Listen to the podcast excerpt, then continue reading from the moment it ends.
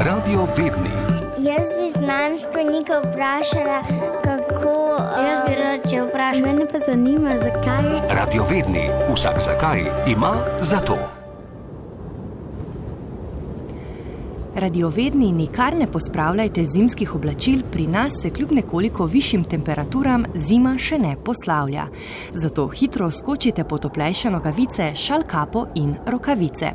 Na nas namreč čakajo izjemno nizke temperature, veter, ki bo rezal do kosti, ja, pa tudi zasnežilo nas bo. Pripravljeni? Radio Vedni. Hladne zime so bile že odnegdaj resen preizkus sposobnosti preživetja marsikaterega živega bitja. Naprimer, ljudje se pred najhladnejšim obdobjem v letu zaščitimo s toplimi oblačili in se grejemo vsak v svojem domu, medvedi zimo prespijo, nekatere ptice pa se preselijo v tople kraje. Drevesa pa se ne morejo skriti pred mrazom in snegom ter si pred vetrom ustvariti zavetje. Kako je potem mogoče, da gozdni velikani uspešno prezimijo? Spremenijo eno sezono za drugo in se spomladi počutijo odlično, kako jim uspe, da po zimi ne zmrznejo?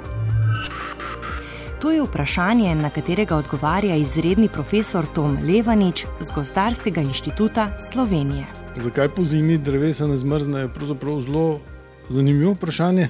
Hkrati pa, ko začneš razmišljati, zakaj ne pride do tega, ne, je pa zadeva zelo kompleksna in kaže na celo vrsto stvari, ki so tudi evolucijsko pogojene, genetsko pogojene in so skratka zelo zanimive, polk, ki se enkrat poglobiš v to zadevo. Dej, mehanizem odzivanja in prilagajanja dreves na nizke temperature je zelo kompleksen in močno odvisen od časa, v katerem se nizke temperature pojavijo, pa tudi od fiziološkega stanja drevesa.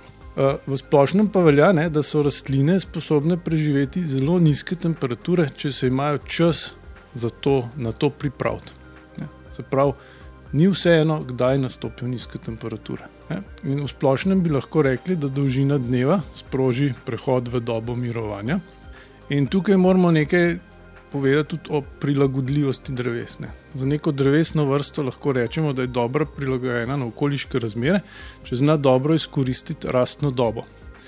Prilagajanje na obdobje hladnega vremena, recimo na zimo, je kompleksen proces, ki se začne že bistveno pred zimo, ne? se pravi že zelo zgodaj v času rastne dobe. In to nekje proti koncu poletja, ko začnejo nastrajati tudi stranski popki v zalistih listov, potem glavni vršiček se pretvori, bodi si v tak zimski vršiček, ali pa pri nekaterih lesnatih rastlinah pa preprosto propade. In preden začnejo listi prihajati iz tiste lepe poletne zele, poletnega zelenila v jesenske barve, ne, hormoni že zablokirajo popke, da se niti podrazno ne morejo odpreti pred nadstopom zime. In to je v bistvu prva faza teh priprav na zimsko mirovanje. V drugih delih lesnate rastline pa se začnejo tkiva tudi pripravljati na mirovanje. Ne.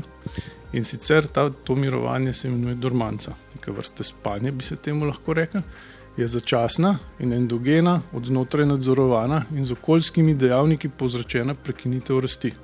To je v bistvu prilagoditev na neugodno obdobje.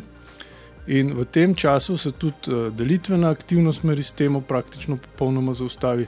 Celično jedro se zaustavi v neki posebni fazi stanja pripravljenosti na pomnoževanje, se pravi eh, DNK-ja. To pa zato, ker pač nekako drevesa ugotovila, ne, da je genom v tej fazi najbolj zaščiten pred vplivi nizkih temperatur. Ne. In zanimivo je, da v tej stopni, recimo dvig temperatur, ne more povzročiti aktivacije lesnatih rastlin. Se pravi, se nam bojo kar zbudile, če bo 14 dni toplo okoli božiča pa tudi okoli novega leta ne. Če ne prej se za večino lesnatih rastlin dormanca konča, ko zunanje temperature dosežejo nekje med 2 in 7 stopinj Celzija, te temperature pa morajo ustrajati vsaj nekaj tednov. Le tako uspejo prebuditi bazalni metabolizem, mobilizirajo rezerve oglikovih hidratov in po celicah drevesa sprožijo ponovni pretok vode. In ko se vse to zgodi, je drevo pripravljeno na začetek rasti tako kot mi.